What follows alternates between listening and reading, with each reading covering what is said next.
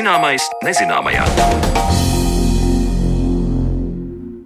Esiet sveicināti raidījumā Zināmais nezināmajā ar jums kopā turpmāko stundu Sandra Kropa. Tieši pirms simts gadiem uz pirmo sēdi sanāca pirmais Latvijas parlamenta satversmes sapulce, tā aizsākot demokrātijas tradīciju Latvijā. Šodien raidījumā runāsim par to, cik tad pašpietiekama vai tieši otrādi trausla ir demokrātija.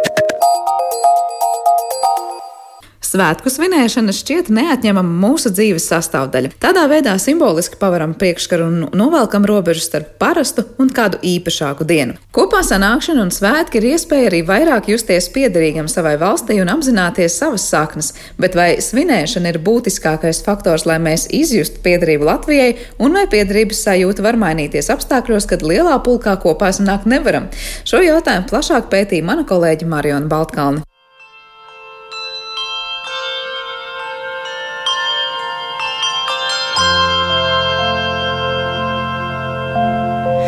Ziedu Latvija pie brīvības pieminekļa un tautas tērpu skate.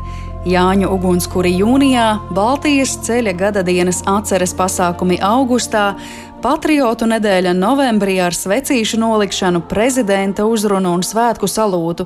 Tie ir vairāki mums tik ļoti pazīstami svētki, kurus gaidām, kuros priecājamies un kuros arī pulcējamies.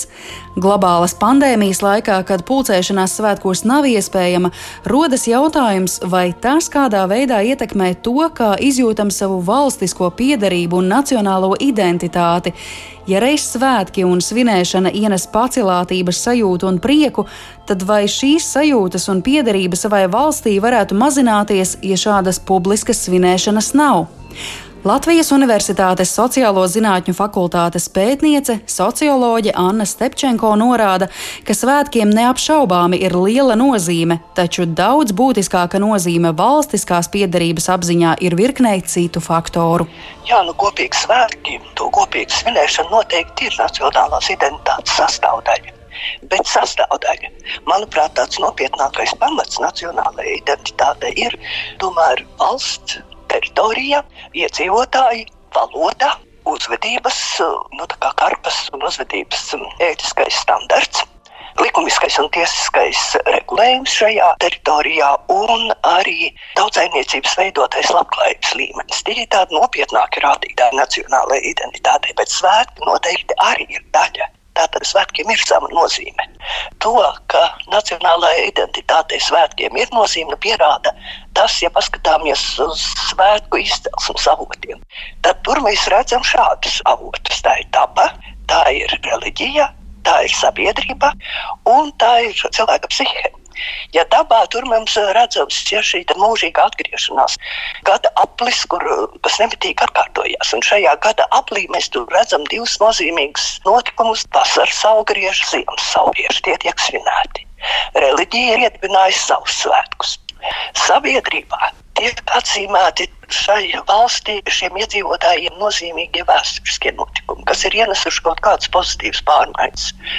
Un vēl ir arī tāds elements svētku izcelsmē, kā nu, cilvēka psihes nepieciešamība pēc atbrīvošanās, darba dienu un ikdienas ilgstošajā ritējumā. Ja? Un svētki veikt šo atbrīvošanās um, funkciju. Lūk, kaut vai šajā antīkajā pasaulē to ļoti labi ilustrē šie Dionīsiji. Pēc tam karnevāli mēs redzam, ja, ka cilvēki var atļauties savā uzvedībā daudz ko tādu, ko ikdienā un darbdienā nu, ja nedrīkstētu darīt, vai par to viņi tiktu nosodīti. Anna Stepčenko min, ka valsts, teritorija, iedzīvotāja valoda un citi viņas pieminētie nacionālo identitāti veidojošie elementi ir savstarpēji saistīti. Mēs tikai savā domāšanā tos nodalām atsevišķi.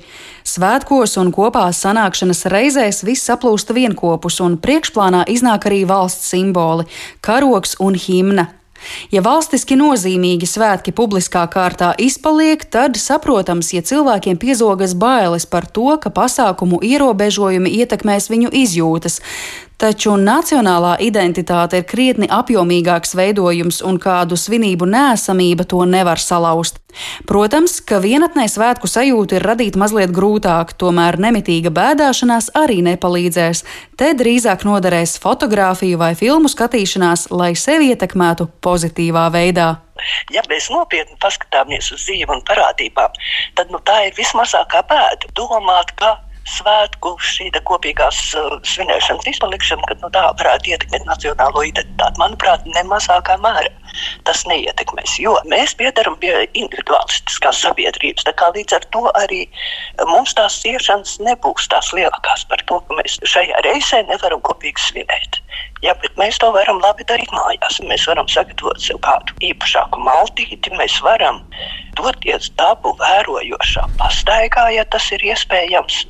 Un mums taču tagad ir vēl arī tāda iespēja, kas nekad nav bijusi. Ja mums ir tas milzīgais kultūras programmu piedāvājums, kas ir tīmeklī, gan nacionālajie portāli piedāvās ļoti daudz ko, un arī globālais tīmeklis. Tā kā arī šāda aizstāšana ir gana laba tajā situācijā, kurā nu, mēs esam izrādījušies. Pašlaik šajā gadā mums ir tāda īpatnējā, ir tā mm. svētku diena Jā. izdevusies, un tie citi svētki iespējams arī būs stipri savādāk kā ierasts. Jā, par to ilgtermiņa situāciju tieši arī gribēju pajautāt, kā jums liekas, nu, ja, piemēram, arī tālākā gada posmā atkrīt tādi publiski svētki un kopā nākšanas mums citos valstiski svarīgos datumos, augustā un pēc tam novembrī, vai tas ilgtermiņā varētu izsaukt kaut kādas problēmas vai atkal patiesībā lielākas bailes cilvēkos radītu? Manuprāt, nē, situācija, kurā mēs esam, apzinoties, un vēl arī jau vairāk tādēļ, ka mēs apzināmies, ja kas tad mums ir uh, cēlonis šeit neparastajai situācijai, šajā ārkārtas situācijā, kurā nu, mēs esam nonākuši. Tātad mēs neesam te paši pie vainas, nedz arī mūsu pārvaldības cilvēki ir pie vainas. Ja, tātad te ir globāli izplatījies uh, kaut kāds vīrus. Tad tam nevajadzētu ietekmēt nacionālo identitāti, mm. arī valstisko identitāti un arī nekādā gadījumā arī pat negatīvi ietekmēt, tīpaši teiksim, par valsts piedarību runājot. Jo tas, kas mums dzīve ir mainījis, ja tas ir lūk, pilnīgi pārnacionāls, eh, sīks dzīves veidojums, ja mm. tāds sīkpūtne. Tiesa, gan ārkārtējās situācijas laikā, gan pirms tam cilvēki ir izteikušies, ka jūtas emocionāli sagrauti, dusmīgi un vīlušies par valstī notiekošo, un tas bija attiecināms uz darba samaksām, pabalstiem, aprūpi un citām sociālām garantijām. Tomēr nereti neveiksmīgus politiķu vai kādu citu institūciju lēmumus un savas emocijas apvienojam vienā izteikumā, ka nejūtamies piederīgi šai valstī, lai gan tik ātri šī piederība nemaz nevar sadrupt. Bet nemaz tik grūti nav atsaukt atmiņā tos apstākļus, kad mūsu valsts patiešām bija iznīcināta. Padomju Savienībā neeksistē tāda demokrātiska Latvijas republika, sabiedrība piedzīvo genocīdu, valoda, kultūra un tradīcijas tiek ārdītas, un tas attiecas arī uz daudzu svētku svinēšanu. Un, lai gan daudz sarežģītāk, arī šādos laikos cilvēkiem izdodas saglabāt ticību ne tikai savai valstī, bet saglabāt arī nacionālo identitāti. Nacionālā identitāte jau arī it kā ārēji viņa tiek ārdīta, bet viņa iekšēji jau var tikt saglabāta par spīti pat apstākļiem. Tad eh, gan sabiedrībā līdz ar to bija šī plaši izplatītā tā divkosība uzvedībā. Ja ka viens kāds jūs izējat ārpus savas mājas un kā jūs tur ko darāt un runājat, un otrs ir kā jūs jūtaties un kā jūs rīkojaties un ko jūs darāt ja, savās mājās, savā privātajā telpā nu, tāda jā, tā kā iekšēja sašķeltība līdz ar to. Tāda schizofrēniska uh, identitāte daļēji vai ne, bet nu, tas, kas cilvēka dzīvēs ir, ja to jau nevar iznīdēt. Nekāda ārēja spēka, ārēja rīkojuma, tas nav iespējams. Ja, tas, kas jūsu apziņā ir nostiprinājies, ja kā, kādu piedarību jūs sevi esat jau noteikti identificējis, ja, kas jūs esat. Ja, te būs tas jautājums, kas es esmu. Anna Stepčenko sarunas laikā piemin arī vācu sociologa Ulriha Beka darbu Riska sabiedrība, un mēs esam risku sabiedrībā. Mūsu eksistence ir trausla, visus procesus nespējam kontrolēt, un riskiem esam pakļauti neizbēgami. Pašreizējos apstākļos nemazums cilvēku būs nodevušies eksistenciālām pārdomām, un tieši svētku reizes ļauj no tām atpūsties. Svētki palīdz novilkt robežu starp ikdienišķo un neikdienišķo un pavērt priekškaru kaut kam citam. Tieši ar šādu aicinājumu par godu Latvijas neatkarības atjaunošanas gada dienai 2016. gadā tika radīti Baltā galdauta svētki, un par to ideju turpina komunikācijas radošā direktore Una Rozenbauma. Tā doma radās Rotai Dimantai un Dacei Melbārdai Man liekas, ka tā galvenā problēma bija tāda, ka cilvēki 4. māju un arī 1. māju uztvēra kā vienkārši brīvdienas. Nu, ja mēs pieņemam, ka tradīcijas vispār veidojas ģimenē vai izpratne par valsti, nu, tad nebija nekādas ģimenes tradīcijas sēdēt un runāt par to, ko mēs tagad svinām. Un mūsdienās mēs aizņemamies svētkus no visiem citiem apkārt ja viņiem ir pietiekoši labs mārketings, kā piemēram Helovīniem un Valentīna dienai. Bet tie baltā galdot svētki, man liekas, ir jauks precedents, ka mēs paši varam kaut ko tādu ieviest. Tad, kad mēs pētījām, ko cilvēki vispār domā par 4. māju, bija ļoti interesanti. Jo ļoti daudz cilvēku, kas ir šobrīd dzīvi, viņi ir piedzīvojuši, tas bija tik ļoti nesen. Tas nozīmē, ka ir tie stāsti. Un tad patiesībā tas, uz ko mēs balstījāmies, bija stāsti. Ka katrs var izstāstīt, kas tajā dienā notika. Un tie stāsti bija super emocionāli un uh, saviņojoši. Un tad mēs uztaisījām arī video, kur mēs secinājām, ka lielākā daļa cilvēku tajā dienā ir sēdējuši pie galda un vilkuši līdzi, cik ir jā un cik ir nē tajā balsojumā, slavenajā. Tas galvenais vēstījums, tad es saprotu, bija tikties ģimenēs uzklāt baltu galdautu, tāpat eh, tikties šajos stāstos par to, kāds šis 4. maija ir bijis un ko tas nozīmē ģimenei. Tāda bija tā ideja. Tā doma bija tāda, ka tie nav tikai ģimenes svētki, tas, ko mums gribējās. Un uz ko es vēl aizvien aicinātu, bet, nu, protams, ne šogad. Cilvēki no mājas nones pagalmā, jebkur eh, Latvijā nones lejā galdu, un katrs atnes no savas puses vienu cienestu. Tad viņi stāsta un runā par to, ko viņiem nozīmē brīvība un kā bija padomju laikos. Un arī tad, kad tas viens svētkus kaut vai divi tā, vai kaut vai viens pats nezina ar draugiem zumā, tas kaut kā atsvēdzina to ikdienu. Man liekas, ka tā problēma šobrīd ir tāda, ka visas dienas ir kļuvušas vienādas. Neviens vairs nezina, vai ir pirmdiena vai es nezinu, kāda diena. Un man liekas, ka tie svētki iedod kaut kādu punktu. Es domāju, ka būtu brīnišķīgi, ja varētu uztaisīt kaut kādu ļoti lielu, piemēram, balto galdātu, kas būtu virtuāli cilvēki, kas nevar satikties vai nekad nav satikušies, viņi uztaisa tādā online versijā. Jānis Dzinters nepiedalās. Dzinters Ābiķis par. Tie aizraujošākie stāsti, ko izstāstīt saviem bērniem, noteikti varētu būt par to, kā savulaik veikalos bija tikai viena veida piens un maize, ko tāpat izdevās dabūt labākajā gadījumā. Un tieši caur šiem stāstiem, pat netik daudz ar lielu un publisku pulcēšanos, iespējams apjaust demokrātijas un brīvas valsts nozīmi. Kamēr mums ir valsts un valoda, Mums nav jābaidās, ka mūsu identitāte pazudīs, un svinēt svētkus joprojām ir iespējams arī citos valstiski nozīmīgos datumos visa gada garumā, arī tad, ja publiski pasākumi tāpat nebūtu iespējami. Tie noteikumi, kas ir jāievēro, viņi jau nenozīmē to, ka mēs nevaram iziet cauri tādā zosu gājienā garā 11. novembra krāsmā un tomēr tas vecītis salikt vai ielikt viņus kaut vai katrs savā logā, kā mēs darījām, kad mēs nu pat atguvām neatkarību. Es domāju, ka tie veidi, kā pateikt, ka es esmu Latvija un tā ir mana vieta, un es esmu lepns par to, ka es tur dzīvoju, ir daudz un dažādi. Tā valsts jau nav tikai simbols, viņa jau ir gan valodā, gan kultūrā, gan tajā, kā un ko mēs ēdam un kā mēs sarunājamies. Arī mūsu tostos, jo mums jau ir divi visīsākie tosti pasaulē. Mums ir tosts, nu, un garais tosts ir nu tad. Tā kā es domāju, ka tādas lietas jau arī var darīt vienkārši sazinoties. Svētku svinēšanas nozīmi valstiskās piedarības un nacionālās identitātes veidošanā skaidroja Latvijas Universitātes sociālo zinātņu fakultātes pētniece socioloģa Anna Stapčenko, kā arī komunikācijas radošā direktora Une Rozenbauma. Bet par valsts pārvaldību plašāk runāsim raidījuma turpinājumā.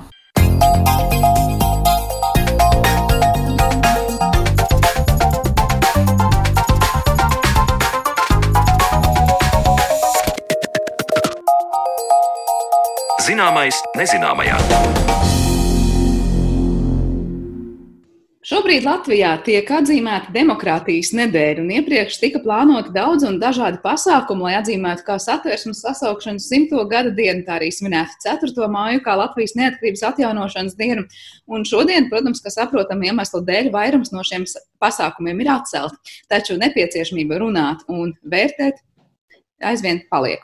Cik trausli ir demokrātija un vai tā ar vienu ir labākais veids, kā pārvaldīt valsti un gal galā vai ārkārtas stāvoklis neierobežo demokrātiju tik ļoti, ka tā jau kļūst ierobežota pati par sevi.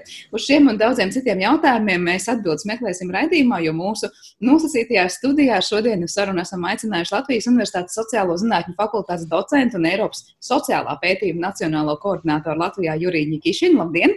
Labdien! Šīs pašas fakultātes vadošo pētnieku Visvaldu Valtenbergu sveicināti! Labdien! Un vēsturniece Londonas ekonomiskās augstskolas pasniedzēja Una Bergmana arī mums šodien pievienojas. Labdien! Labdien! Es iesākumā atsaukšos uz kādu pētījumu. Nesen veikts Startautiskā republikāņu institūta aptaujā noskaidrots, ka vien 49% Latvijas iedzīvotāji demokrātiju vērtē kā labāko valsts pārvaldes formu. Kā jūs vērtējat šos rezultātus un vai tas jūs pārsteidz? Sākšu ar Juriju jums. Sveiki vēlreiz. Nu, godīgi sakot, tas mani nesevišķi pārsteidz, jo uh, ziņkārības pēc tam, gatavojoties raidījumam, apskatījos citu pētījumu, citu aptauju datus. Un, piemēram, uh, 19. gada vasarā veiktā Eirobarometra pētījumā tika uzdots jautājums, protams, ar citu saturu, bet ļoti līdzīgs kopumā ņemot, vai jūs esat ļoti apmierināts, daļīgi ne, apmierināts vai ne īpaši, vai vispār eh, nesat apmierināts ar to, kā Latvijā darbojas demokrātija. Un tur tas skaitlis, eh, tas apmierināto īpatsvars ir diezgan līdzīgs. Tas ir 55-56% eh, nopaļojot. Līdz ar to visdrīzāk Visdrīzāk tie cilvēki, kas nav apmierināti ar demokrātiju, droši vien nav apmierināti ar to, kā strādā kādi konkrēti demokrātijas aspekti vai izpildījums konkrētā valstī. Bet es ļoti šaubos, ka viņi, ka lielākā daļa neapmierināto būtu gatava to aizstāt, apmainīt pret kādu citu uh, valdīšanas formu, jo nu, faktiski vienīgais, kas nāk prātā šajā sakarā, ir dažādi autoritārismu paveidi. Es tieši gribēju vaicāt, vai mums ir zināms, ko tā pārējā sabiedrības daļa gribētu redzēt, bet vai visvaldim un unē ir vēl piebilstams kaut kas par jūsu reakciju uz šādiem rezultātiem? Es domāju, ka tas, ko Jurijs teica, ir ļoti būtiski, kad uh, tas jautājums varbūt bija tāds vispārējs, un kad cilvēki uh, apgalvo, ka viņi nav apmierināti ar demokrātiju, lai gan patiesībā viņi nav apmierināti ar to veidu, kā demokrātija tiek realizēta. Jo, principā, demokrātija ir tāds ideāls apsolījums, tā, tā demokrātijas definīcija par to, ka tā ir uh, tautas vara un ka principā tas sevi ietver tādu vienlīdzības apsolījumu, ka mums visiem pilsoņiem, kā pilsoņu kopumam, būs līdzīga ietekme uz politiskiem procesiem. Un realitātē, protams, tas tā nenotiek. Un līdz ar to cilvēki no vienas puses piecoties pēc tā demokrātijas apsolījuma, no otras puses konstatējot, ka reālajā dzīvē tas šis ideālais variants nerealizējās, viņiem, protams, veidojās kaut, kāds, eh, kaut kāda neapmierinātība ar to esošo situāciju, bet to varbūt tiešām nevajadzētu uztvert kā tādu novēršanos no demokrātijas, kā valsts pārvaldes formas. Mm -hmm. Visvaldi? Es domāju, ka atbildot uz šo jautājumu, mums būtu jāatbild ar pretjautājumu šiem iedzīvotājiem, kas tad ir atzīmējuši, ka viņi prāt kaut kas cits būtu vietā. Jo mums jautājums jāuzdod par to, cik lielā mērā un kā dažādi režīmi tiek galā ar šodienas izaicinājumiem. Uh, ja pie finanšu un ekonomikas krīzes 2008. gadā, 2010. gadā tā bija, protams, ekonomikas lejupslīde, tad šobrīd tas ir jautājums par to, cik lielā mērā efektīvi var īstenot sabiedrības veselības aizsardzības pasākums. Un šeit uh, īstenībā atbilde ir uh, visnotaļ neviennozīmīga. Nav tā, ka demokrātijas ar to tiek galā sliktāk nekā autoritāra režīma. Patiesībā ir diezgan otrādi. Teikt, tādās krīzes situācijās demokrātija sevi tā kā nu, neattaisno, ja tādu vārdu vispār drīkst teikt cilvēku apziņā? Es domāju, ka cilvēki vairāk uzdod šos jautājumus, eksistenciālus jautājumus, tad, kad viņi jūt, ka individuālajā līmenī labklājība pazeminās, nedrošība, nenoteiktība palielinās. Viņi ir spiest uzdot šos jautājumus par to, kādu veidu pārvaldi viņi vēlētos. Bet, ja mēs runājam par to pārvaldības efektivitāti, un tajās krīzes situācijās mums ir tādi pārliecinoši argumenti, un tiešām, ja mēs pavisam bez emocijām runājam, kurš režīms tad būtu vai tā pārvaldes forma efektīvākais, tad pateikt, visi darīs tā vai visi nedarīs tā. Es domāju, šeit ir vairāki faktori. Um, pirmais viennozīmīgi ir jā, konstitucionālais līmenis un institūcijas, kā tās strādā, vai ārkārtas stāvoklis uh, būtiski uh, samazina, teiksim, parlamenta pilnvaras, vai tieši otrādi atstāja parlamentam tomēr tiesības lemt. Otrs līmenis, protams, ir sabiedrība kā tāda, un trešais līmenis ir individuālais. Tā kā atbildot uz jūsu jautājumu, tieši kā tas notiek, mums jāskatās katrs individuālais gadījums. Kādā veidā valsts efektīvāk iziet no krīzes, tas ir lielā mērā jautājums par šiem trīs līmeņiem. Un, piemēram, tas jautājums par to, vai iedzīvotājiem ir pieejama informācija, ir ļoti, ļoti svarīgs tieši šobrīd. Un tomēr nu, pētījumi rāda, ka demokrātijās šī informācija, ko nodrošina sabiedriskie mēdīji, ko nodrošina pilsoniskās sabiedrības uzturēta mēdīja, interneta telpā skaitā, viņa ir lielāka un līdz ar to iedzīvotājiem ir plašāka informācija, daudz korektāka informācija pieejama par to, kas patiesībā notiek.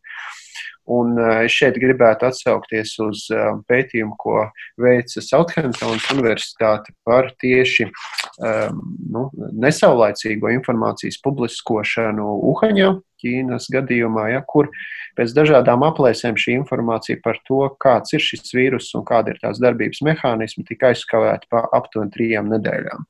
Un tiek uzskatīts, ka šīs trīs nedēļas būtu vitāli svarīgas, lai sagatavotu uh, globālo gatavību cīnīties pret šo vīrusu daudz efektīvāk, kā tas ir. Ja? Pētnieki tur dod dažādas aplēses.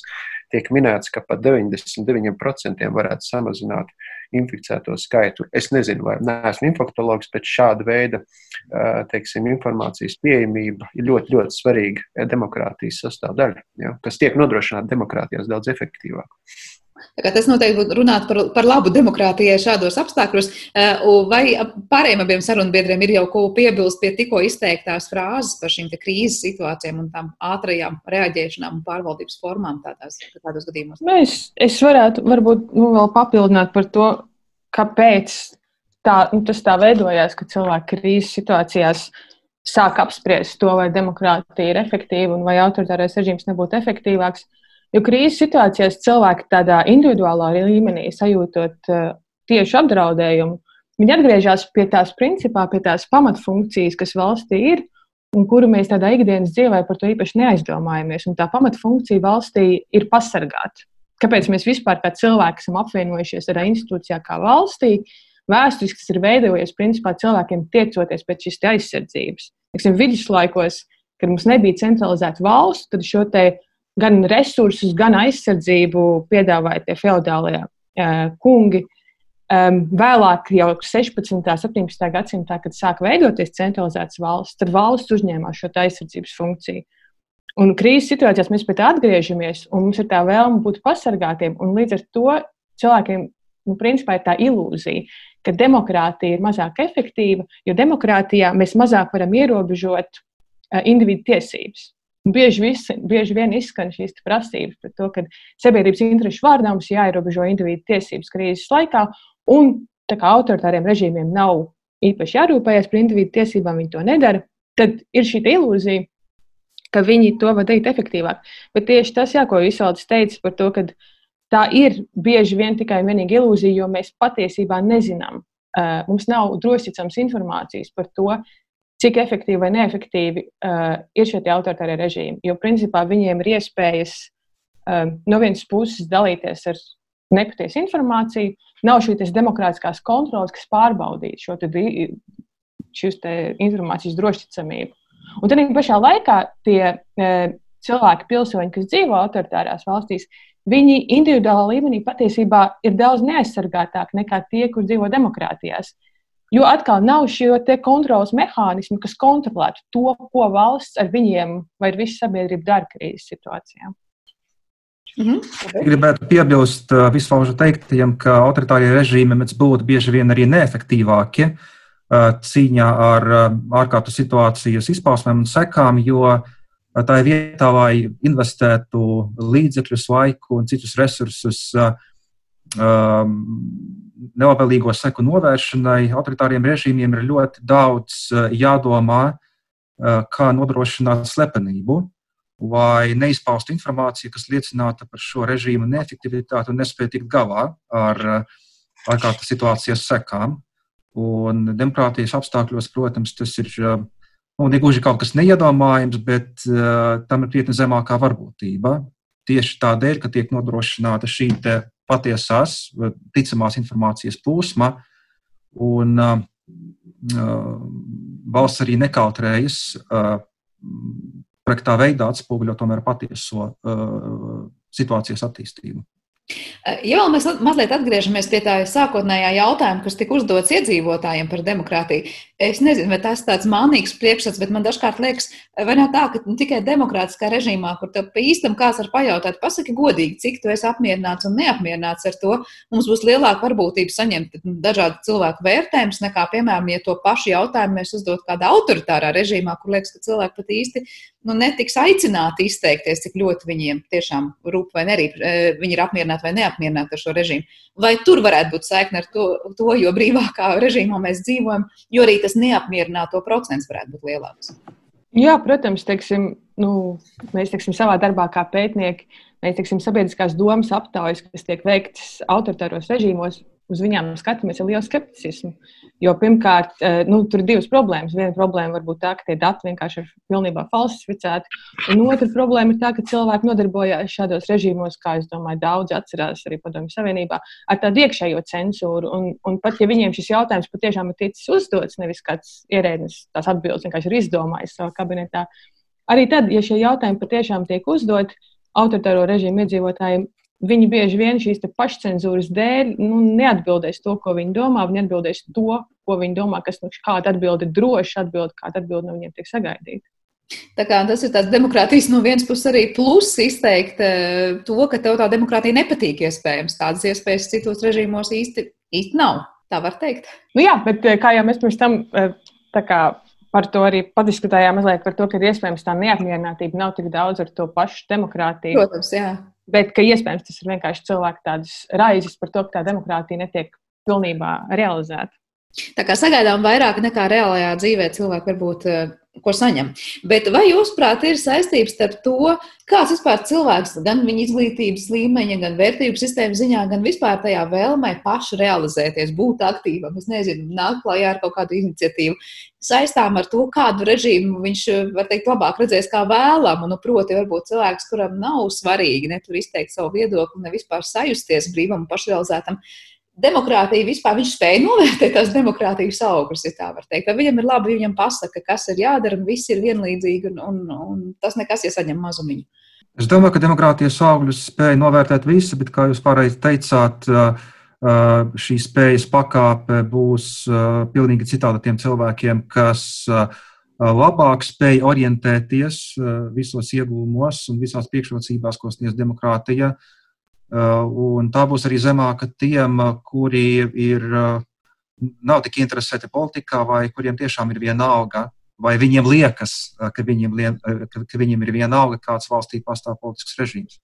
Es akcentētu, protams, šo pašu, ko pievienojos Jurijam, šo izglītības um, nozīmi, bet jārēķinās ar to, ka cilvēki dzīvo dažādās apziņas stadijās, un ja vieniem ir ļoti svarīgs jautājums par eksistenci un kā Una teica, nepieciešamība tiešām saskatīt valstī vai līderī drošības garantu sev. Tas ir primāri, tad varbūt citiem, ja, kuros materiālās intereses vairāk mazāk pamatvajadzības ir piepildīts, viņiem svarīgs jautājums ir par tiesiskumu, ja, par savu privātu īpašumu aizsardzību un tā tālāk. Tad, uh, Ejot tālāk laikam, ekonomikai, tautsēmniecība attīstoties, mēs esam nonākuši pie izglītotiem cilvēkiem, kas strādā darbā, un viņiem ir svarīgas savas darba vietas, un tālāk, protams, arī tālāk intelektuālāki un vēl atbrīvotāki cilvēki interesējās par valsts pārvaldes lietām un taisnīgu pārvaldi. Tā kā mums ir visas šīs grupas, iedzīvotāju grupas sabiedrībā, un ikvienā viņas ir, ja, un tajā, tajā, tajā tad mēs uzdodam jautājumu, vai tas ir vecs jautājums, ko uzdeva Platons, ja savulaik kura no, tīm, no šīm pārvaldes formām varētu būt nu, piemērotākā, taisnīgākā. Ja? Šeit es vēl gribētu uzsvērt ļoti būtisku nošķīrumu starp demokrātiju un liberālo demokrātiju. Ja demokrātiju mēs vairāk asociējam ar lēmumu pieņemšanas procedūru, un ar institūciju darbu, ar liberālo demokrātiju, kuras, starp citu, šobrīd tiešām atrodas tādā norietā. Ja? Mēs saprotam pārvaldu, kurā tiek nodrošināts arī šīs pamattiesības individiem, un arī dzen, tiek nodrošināta vēl teiksim, konteksts, kurā viņš šīs pamatiesības var sekmīgi realizēt. Un, ja mēs runājam tieši par liberālo demokrātiju, protams, ka šeit ir ļoti atšķirīgi šī, um, šī, šis rangs uh, un līmenis, ka, cik lielā mērā demokrātija ir liberāla. Ja? Mums var būt procedurāls demokrātijas, kurās ir vēlēšanas, nu, vairāk vai mazāk taisnīgas, bet tajā pašā laikā nu, šo, teiksim, nedarbojās spēcīga pilsoniskā sabiedrība nedarbojās alternatīva formulēšana. Jo viena no tām iezīmēm autoritāriem režīmiem ir tāds iemesls, kāpēc cilvēki tic režīma efektivitātei, ir tas, ka nav jau alternatīvas, nav jau kaut kā tāda, kur kaut kas, kas reāli varētu strādāt. Ja, ja demokrātijā tā ir opozīcija, kur kaut kad varētu varbūt tās demonstrēt kaut kādus risinājumus diezgan pragmatiskus starp citu starpā, tad autoritāriem režīmiem ir raksturīga opozīcija, kur ir vai nu no klainaidīga, vai arī nespējīga formulēt, un ne tikai formulēt, bet arī īstenot alternatīvas dienas kārtības. Mēs šo varam redzēt eh, ļoti izteikti daudzās Āfrikas valstīs, kur opozīcija faktiski ir nu, nespējīga pārņemt varu, pat ja viņiem būtu šī procedurālā iespēja to izdarīt caur vēlēšanām.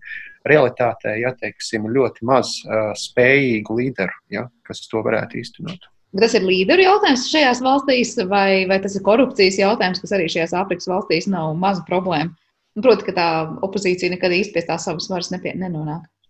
Viennozīmīgi, un te, es te gribētu teikt, šeit ir arī tiesiskās sistēmas noturība, jo viena no tām vēsturiskajām eh, nu, faktiski faktoriem, kas bija nepieciešams, lai demokrāti iesakņotos, būtu īpašumtiesība aizsardzība un stabilitāte īpašumtiesību nosargāšanā. Ja, ja cilvēks redz, ja viņa īpašums var tikt, vai viņa nav skaidrība par to, kas ir viņam piederošs, un ka valsts viņu var to noņemt, vai kāds cits viņam to var noņemt, tad viņam, protams, zūd tie, pietiesiskā paļāvība un arī tālāk ir ļoti dabiski pieslēgties nedemokrātiskiem, dažādākiem varas grupējumiem, kas, viņuprāt, varētu to nodrošināt labāk. Ja? Tad faktiski šī likuma vara nestrādāja. Jūs pirms brīža teicāt, pilsoniskā sabiedrība, kas nestrādā tajos gadījumos, vai tas ir režīma vaina, vai tā ir režīma vaina, vai tā tomēr ir, nu, tas ir jautājums par pašu sabiedrības izaugšanu vai vēlmi būt aktīviem, saredzēt to savu vajadzību un vietu darboties, līdzdarboties? Nu, es, es teiksim, teiktu, ka no vienas puses, jā, nu, tā, tā daudz kas ir atkarīgs no tās um, pilsoniskās sabiedrības pašas, bet, lai tādu, par tādu pilsonisko sabiedrību mēs vispār varētu runāt, ir vajadzīga kaut kāda telpa, kurā izaugt pat varbūt ne gluži tai sabiedrībai nobriest līdz tam brīdim, kad viņi ir kā pilsoniskā sabiedrība aktīva, bet vajag vismaz kaut kādu telpu, kur kaut kādiem iedīgļiem tam visam veidoties. Ja mēs, teiksim, paskatāmies uz, uz, uz 1989. gada demokrātiskajām revolūcijām um, Austrumēropā, tad uh, tajās valstīs, kur tie komunistiskie, sociālistiskie režīmi bija mazliet maigāki un kur kaut kādām kaut kādai opozīcijai bija iespēja, teiksim, kā Polijā bija solidārnosti, kur viņiem bija iespēja kaut kādā veidā veidoties pat opozīcijā, pat pagrīdē. Tur šīs demokrātijas, demokrātiskās revolūcijas notiek ātrāk un viņas bija miermīlīgākas nekā, teiksim, Rumānijā, kur režīms bija ārkārtīgi stingrs, principā tāds Stalina tipa režīms, un kur nebija nekādai pat pagrīdes opozīcijai iespēja, iespēja veidoties. Līdz ar to, jā, pašu cilvēku iniciatīva ir būtiska, bet tie apstākļi, kuros šie cilvēki var darboties, arī ļoti svarīgi. Es pievienojos Bergmaņas kundzes viedoklim. Viennozīmīgi tā ir valsts atbildība nodrošināt šo te telpu, gan tiesisko, gan politisko, lai pilsoniskā sabiedrība varētu rasties un attīstīties. Bet tas, kā tā radīsies un kā tā attīstīsies, tas lielā mērā, protams, būs jau uh, uh, pilsoniskās sabiedrības uh, ziņā. Un arī tas, kādas nevalstiskās organizācijas veidosies, kā tās eh, cels gaismā noteiktās vērtības un politiskās prioritātes, to saturu, protams, noteiks jau paša pilsoniskā sabiedrība. Bet var teikt, ka demokrātija, nu, kā pārvaldes forma, labāk strādās tad, ja tie, tie, tie iedzīvotāji būs izglītotāki un, um, var teikt, atbildīgāki. Var teikt, ka šis režīms nu, pieprasa izglītotāku pašu to sabiedrību, kurā to formu realizēt. Es tā neteiktu, jo gal galā arī mm, sociālā kapitāla teorētiķi, sociālajā zinātnēs, daudz no viņiem uzsver, ka pilsoniskajai sabiedrībai kā tādai piemīt šis izglītošanas no vienas puses raksturs, no otras puses arī misija. Teiksim, kļūstot sabiedriski aktīvi, cilvēki pamazām arī apgūst šīs iemaņas. Vai arī, protams, ir citi pētnieki un teorētiķi, kas šo pieeju kritizē un apgalvo, ka patiesībā nevalstiskajās organizācijās nonāk un par politiskiem un sabiedriskiem aktīvistiem kļūst cilvēki, kuriem šīs iemaņas jau tika izkoptas un attīstītas iepriekš. Ja mēs runājam par pašreizējo brīdi, nu, proti, ka mēs esam tādā diezgan izteiktā, vēl joprojām pašizolācijā, kā demokrātija ietekmē šīs notiekošie ierobežojumi, nu, piemēram, pulcēšanās brīvība, nu, šobrīd, var teikt, ir, ir diezgan ierobežota, un nekāda piketa nekādas protesta akcijas lielas nevar notikt. Ko tas nozīmē pašai pārvaldes formai, ja tādas krīzes situācijas laiku pa laikam piemeklē sabiedrība? Manā skatījumā šī situācija ir nu, diezgan unikāla. Nu, līdz šim Latvija neko tādu nav pieredzējusi vismaz ilgā laika posmā. Līdz ar to izdarīt kaut kādus secinājumus būtu pāragri. No otras puses, nu jā, pulcēšanās brīvība ir ierobežota, bet tas pirmkārt nenotiek kaut kāda politisko nekārtību vai nemieru dēļ. Līdz ar to teiksim, viss ir skaidrs, un par to ir vispārīgs konsens, ka tas ir uz samērā īsu laiku. Vai arī tas, protams, varētu atkārtoties nākotnē, atkarībā no tā, kā mm, attīstīsies epidēmija.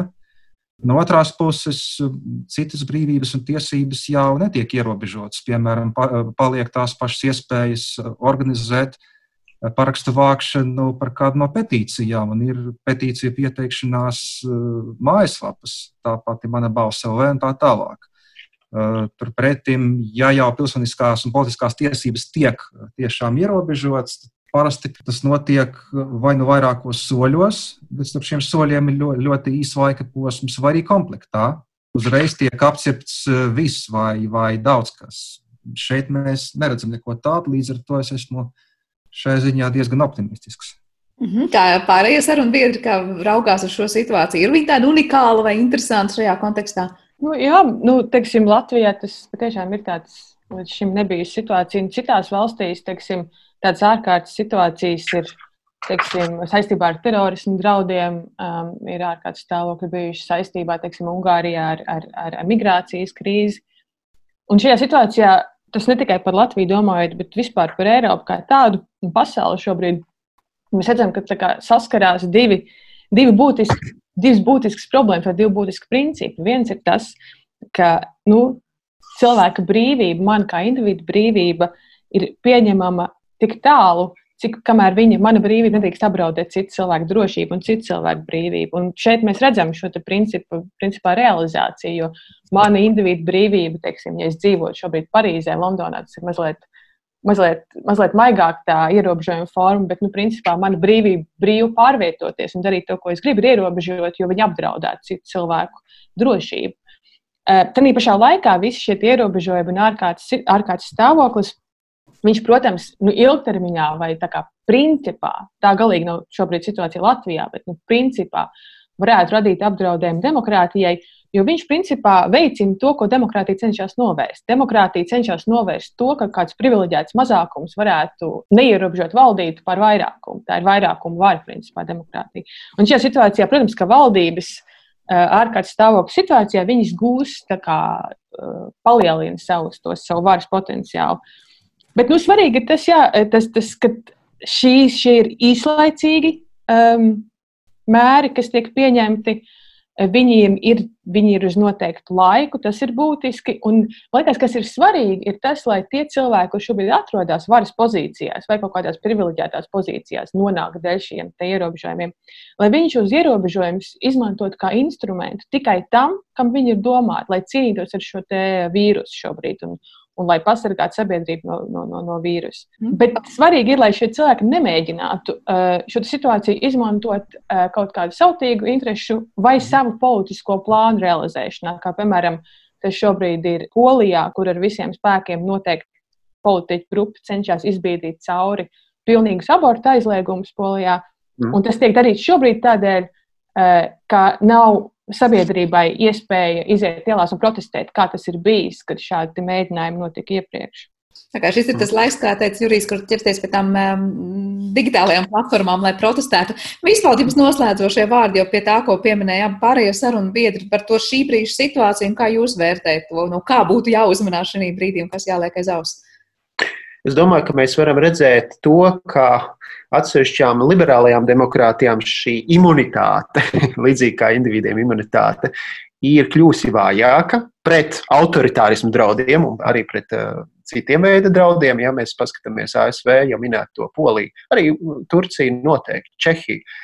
Es teiktu, noteikti Ungārija, kur šis ārkārtas stāvokļa izsludināšana tiek uzskatīta faktiski kā bez izņēmumu varas piešķiršana izpildu varai, ja vadītājai Viktoram Orbanam, kas lielā mērā tiešām ir ļoti bīstama situācija šobrīd demokrātijas ilgtspējai šajā valstī. Otrām kārtām mēs redzam to, ka ir valstis, kuras eh, nav bijušas tādas nu, ļoti spēcīgas demokrātijas, bet kurās līdz ar šo vīrusu ir pasliktinājusies ekonomiskā situācija dēļ naftas, dēļ naftas cenu krišanās, un tā, protams, ir Venecuēla un tā ir Krievija, kurā mēs redzam, ka skrūves ir pie, piegrieztas vēl vairāk arī dēļ šī iemesla dēļ. Mēs varam redzēt to, ka ir, protams, vārdu brīvības ierobežojumi, Šeit viennozīmīgi jāsaka, ka ļoti val, daudz valstu grēko. Šeit nav tikai Ķīna, bet šeit ir arī Turcija.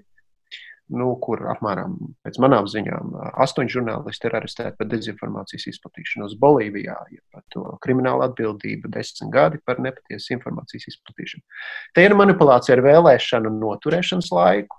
Malāvija, Bolīvijā, piemēram, kur atliek vēlēšanas, tajā pašā laikā Polijā jau manas minētā, manuprāt, arī viņiem maijā bija paredzēts prezidenta vēlēšanas, un tur opozīcija redz, ka opozīcijai nav iespējas sarīkot kampaņu efektīvi Covid vīrusu laikā. Tur šīs vēlēšanas tiek steigtas. Ja? Līdz ar to, jā, un tad mums, protams, ir ļoti dažādas situācijas, kā valsts, valdības tiek galā šajā ārkārtas situācijā ar uzraudzību izolācijas noteikumiem. Un šeit mēs, protams, Latvijā situācija tādā ziņā ir ļoti, ļoti varētu teikt, laba, bet, eh, ja mēs paskatāmies to, kādā veidā tas tiek īstenots, teiksim, Kenijā, kur 12 cilvēki nogalināti, Indijā, kur, protams, ļoti daudz šo cilvēku, bet tur faktiski veidojās, teiksim, Indijas nacionālistiski ļoti spēcīgi noskaņotā valdība. Izmanto šo situāciju, lai vērstos pret uh, musulmaņu minoritāti, ja, kur faktiski grautiņi notiek musulmaņu rajonos. Tā kā problēma ir problēma ir. Bet mēs varam novērtēt to demokrātiju brīdī, varbūt pa īstām, tad, kad varbūt mēs sākam zaudēt tās labumus un, to, un, un zaudēt tās iespējas. Eh, Lielas paldies jums par šo sarunu. Dzirdējām tātad eh, Latvijas Universitātes sociālo zinātņu fakultātes docentu Jurīņa Kišina, arī šīs pašas fakultātes vadošo pētnieku Visvaldu Baltenbergu un Londonas ekonomiskās augstskolas pasniedzēju vēsturnieci Unu Bergu mani šodien pie mums improvizētajā raidījuma, zinām, mēs nezināmajā studijā. Ar to arī raidījums ir izskanējis. Paldies jums visiem par klausīšanos. Visu labu!